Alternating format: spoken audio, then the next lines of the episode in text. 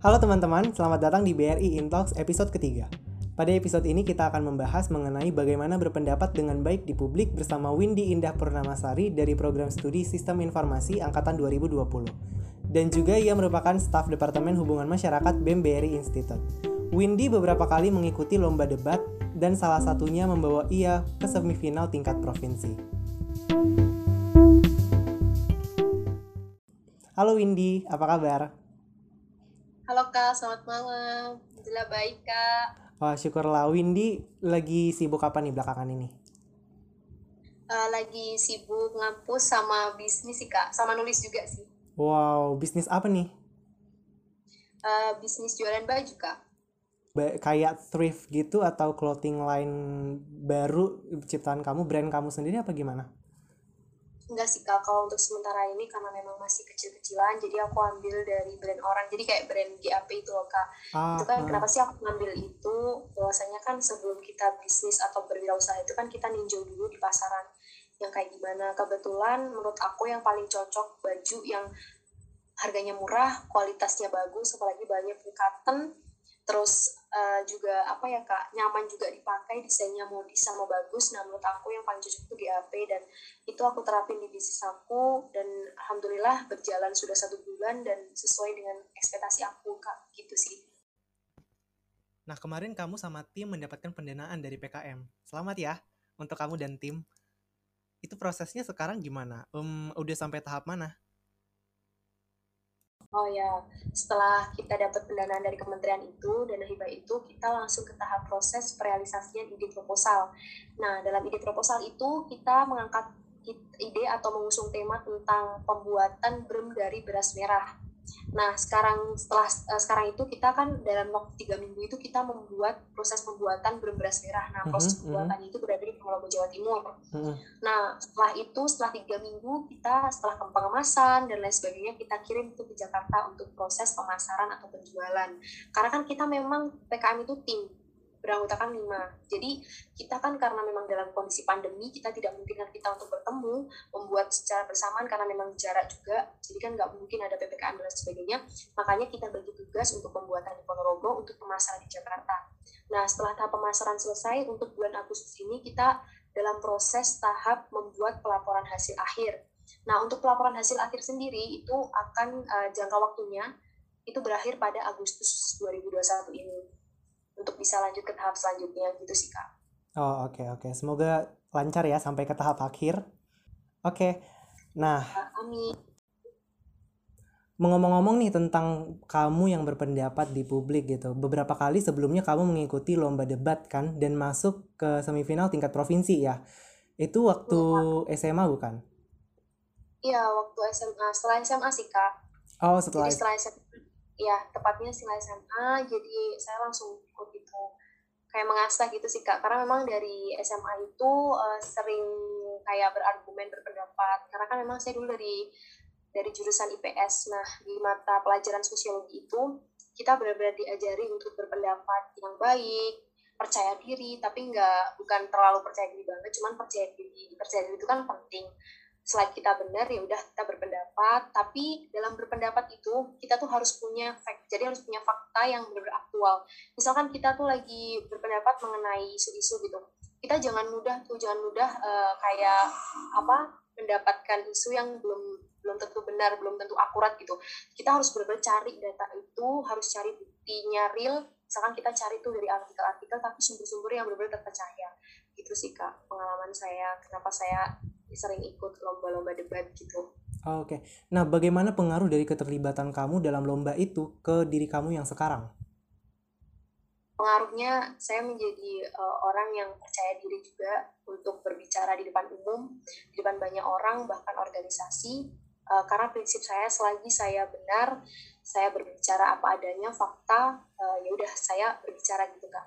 Jadi memang pengalaman itu menghasilkan sebuah pemahaman ke diri saya menjadi pribadi yang lebih baik, lebih percaya diri, dan yang pastinya itu uh, bisa ngomong sama semua orang gitu kak. Jadi ibaratnya saya nggak ada tuh rasa gugup atau rasa takut untuk berbicara dengan siapa pun. Itu sih kak pengalaman yang membuat wow. saya menjadi saya yang sekarang. Iya, wow, keren banget. Aku suka banget sama prinsip kamu yang ketika kamu merasa kamu benar, kamu akan mengatakan, kamu akan mengeluarkan itu gitu ya. Karena kan memang selama itu benar dan baik, kenapa tidak? Nah, iya, apa hal pertama yang perlu dilakukan untuk berani berpendapat di hadapan publik?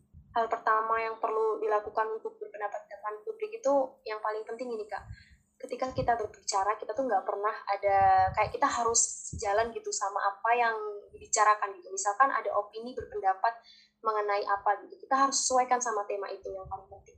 Nah yang kedua memang uh, cara kita berpendapat itu kita harus ada etika kak. Kita nggak mungkin dengan ada intonasi yang tinggi kita nggak mungkin. Yang paling penting yang uh, terutama dalam berpendapat itu kita kan kalau berpendapat pasti ada kan kak pendapat dari orang lain. Nah itu iya. kita harus tahan. Kita nggak boleh tuh ketika kita dikasih kesempatan berpendapat terus orang lain mau mendengarkan, sedangkan orang lain berpendapat kita nggak mau mendengarkan itu nggak boleh. Jadi kita di situ harus benar-benar menahan. Ketika pendapatnya nggak sesuai atau nggak sama dengan pemikiran kita, kita harus tahan dulu karena pasti ada waktunya gitu. Jadi waktu berpendapat itu juga penting. Terus etika berpendapat itu penting. Itu sih kak menurut saya.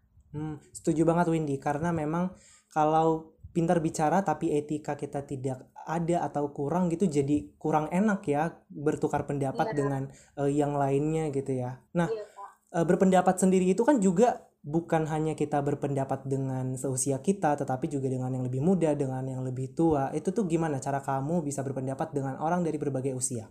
Oh iya. Pertama-tama gini sih Kak, uh, dulu setelah aku lulus SMA, aku sering mengikuti organisasi di luar sekolah aku. Jadi contohnya aku mengikuti komunitas lari. Ya, di komunitas lari itu aku bertemu dengan berbagai uh, orang dari usia ada yang tua, ada yang mm -hmm. muda, ada mm -hmm. yang kecil gitu. Jadi aku menemui orang di berbagai usia gitu. Nah, di situ tuh aku banyak mendapatkan pengalaman. Ternyata ketika kita lagi itu misalkan kita lagi ada event atau kita lagi ada uh, lari bareng gitu kan biasanya sering di komunitas aku tuh diadakan lari bareng iya. contohnya yeah lari ke Gunung Kenong gitu. Itu aku pada tahun 2020 kita lari bareng dan di situ kita kumpul. Ada teman aku yang umurnya itu 54 tahun. Ada teman aku yang umurnya 40, ada teman aku yang umurnya 27, ada ya, teman aku yang seumuran sama aku. Di situ kita benar-benar bareng-bareng, kita punya niat tujuan yang sama, kita sama-sama memiliki hobi yang sama, kita tujuan kita buat submit, kita finish bareng-bareng, di situ benar-benar susah senang kita di perjalanan ada apa pun, itu pun kita bakal bareng-bareng gitu loh kak. Dan itu uh, ketika di situ aku baru ngerasa aja, ternyata dari berbagai umur itu kita bisa bergaul, entah itu ada yang tua, yang muda, dan bahkan misalkan kayak di luar ekspektasi kita gitu loh kak. Kalau menurut aku yang paling penting kita tuh ada kalau kita sopan, kalau kita berbicara bagus dengan orang, orang itu akan simpatik sama kita yang paling pertama tuh first impression kak. Jadi kayak misalkan kita pertama tuh saya baru kenal sama teman saya usianya 50 tahun. Baru kenal itu yang paling pertama saya menyapa. Saya menghargai beliau karena beliau lebih tua dari saya. Saya selalu menyapa duluan. Nah dari sapaan saya dari setiap saya menghargai beliau beliau memberikan feedback balik ke saya. Jadi memberikan feedback baik berupa dikasih itu tipsnya lari biar sehat biar tipsnya lari biar nggak cedera dan lain sebagainya. Jadi kami antar satu satu anggota komunitas tuh saling mengisi kekurangan satu sama lain itu kak. Itu pun nggak terbatas umur. Jadi pengalaman saya kenapa saya bisa berbicara uh, dari beberapa umur itu itu dari pengalaman organisasi sih kak pertama itu. Jadi itu sih kak Wow, lagi dan lagi pentingnya untuk kita tercebur dalam organisasi dan juga komunitas ya, ya apalagi dengan ya dengan latar uh, belakang dan berbagai usia yang berbeda-beda gitu. Dan perlu diingat tadi ya. tips dari Windy adalah kita harus tetap berlaku sopan, mengetahui posisi kita sebagai yang lebih muda gitu ya, dan juga beranikan diri untuk memulai duluan gitu. Karena tadi itu balik lagi iya. first impression teman-teman. Nah, Windy apa yang perlu diperhatikan dalam berbicara dan berpendapat di publik? Nah, yang perlu diperhatikan itu yang pertama gini kak, kita harus gimana caranya misalkan kita berbicara ya kak, gimana caranya kita berbicara itu dengan nada yang benar, dengan intonasi yang benar, dan bahwasanya ketika kita berbicara itu orang kan pasti akan melihat kita. Orang itu akan berpendapat, oh orang ini berbicara ini seperti ini, oh orang ini seperti ini. Nah, maka dari itu kita juga harus menampilkan tuh ekspresi yang baik ketika kita berbicara. Ketika kita lagi uh, mengutarakan pendapat kita nggak boleh tuh apa kita memiliki ekspresi yang sedih atau kita memiliki ekspresi yang nggak enak dilihat gitu. Jadi menurut saya ekspresi juga penting etika penting dan yang paling penting kita juga harus adaptif dalam situasi tersebut. Ketika kita berpendapat kita harus adaptif. Mungkin yang aku mungkin kalau aku sebutnya mungkin body language kali ya sama juga ya, atau, atau mimik kali ya karena memang betul iya. juga ya. gitu ketika kita berpendapat gitu tunjukkanlah gitu body language yang benar gitu kalau memang kita ya. sedang berpendapat sesuatu yang memang harus untuk disuarakan gitu mungkin kita bisa e, mengeluarkannya dengan tegas gitu ya tapi kan Windy, uh, Windy terkadang ketika kita menyampaikan sesuatu kita tuh takut banget nih kalau opini kita tuh nggak berbobot Windy sendiri gimana nih cara kamu uh, bisa tuh si opini itu berbobot? Gini kak, uh, kalau kita berpendapat itu kan berarti kita kalau jujur aku sendiri ya kak, aku tuh orangnya suka nulis. Aku orangnya suka nulis. Nah dari nulis itu kan aku pasti ada tuh uh, ada gambaran gitu. Nah gambaran itu aku dapat dari artikel. Karena aku seneng banget kak dengerin berita-berita dari televisi, terus baca-baca artikel mengenai terbaru karena jujur aja kalau kita nggak mau kita males baca kita males cari informasi terbaru atau kita males cari updatean terbaru mengenai situasi kondisi saat ini atau mengenai lingkungan sekitar kita itu sangat merugikan kita sendiri. Karena menurut aku informasi terbaru itu sangat ketika kita dapat informasi itu misalkan ada informasi mengenai kebakaran gitu ya kak. Nah dari situ kita tuh bisa tuh kita bisa tahu oh penyebabnya seperti ini. Jadi melalui informasi-informasi baru yang kita dapatkan itu itu bisa kayak buat pemahaman kita biar lebih adaptif atau lebih kayak kita tuh bisa kayak mitigasi sendiri gitu. Nah selain itu selain saya apa bisa mitigasi itu kan kayak menambah pengetahuan saya. Jadi ketika pengetahuan itu bertambah, nah kita ketika kita ngobrol sama orang itu kita punya banyak gambaran oh ternyata nanti apa yang akan saya katakan gitu.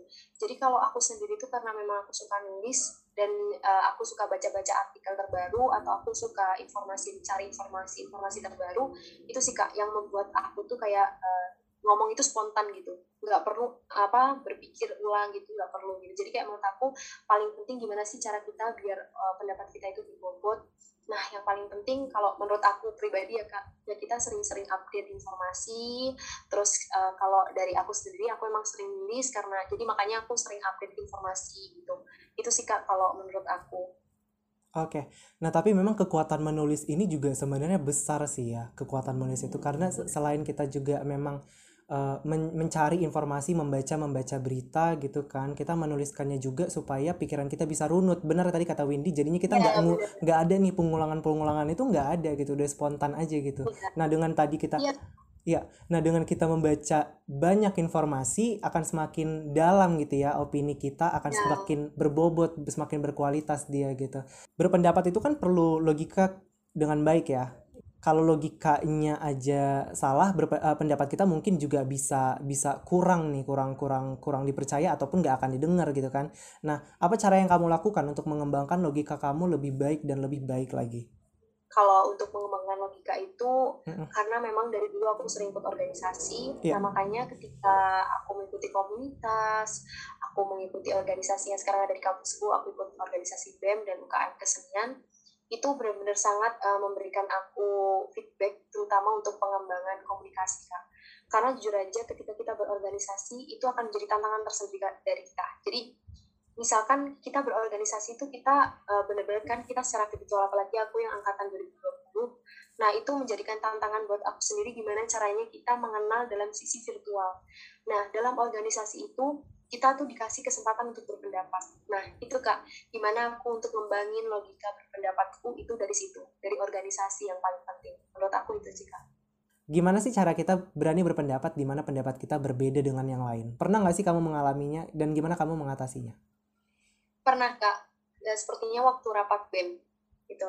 Oh, saya pernah okay. berbeda pendapat gitu Cuman gini sih kak, kalau menurut saya ketika saya berbeda pendapat dengan yang lain gitu, yang pertama saya lakukan tuh adalah saya menyuarakan kalau saya diberi kesempatan untuk menyuarakan pendapat saya, saya akan menyuarakan pendapat saya.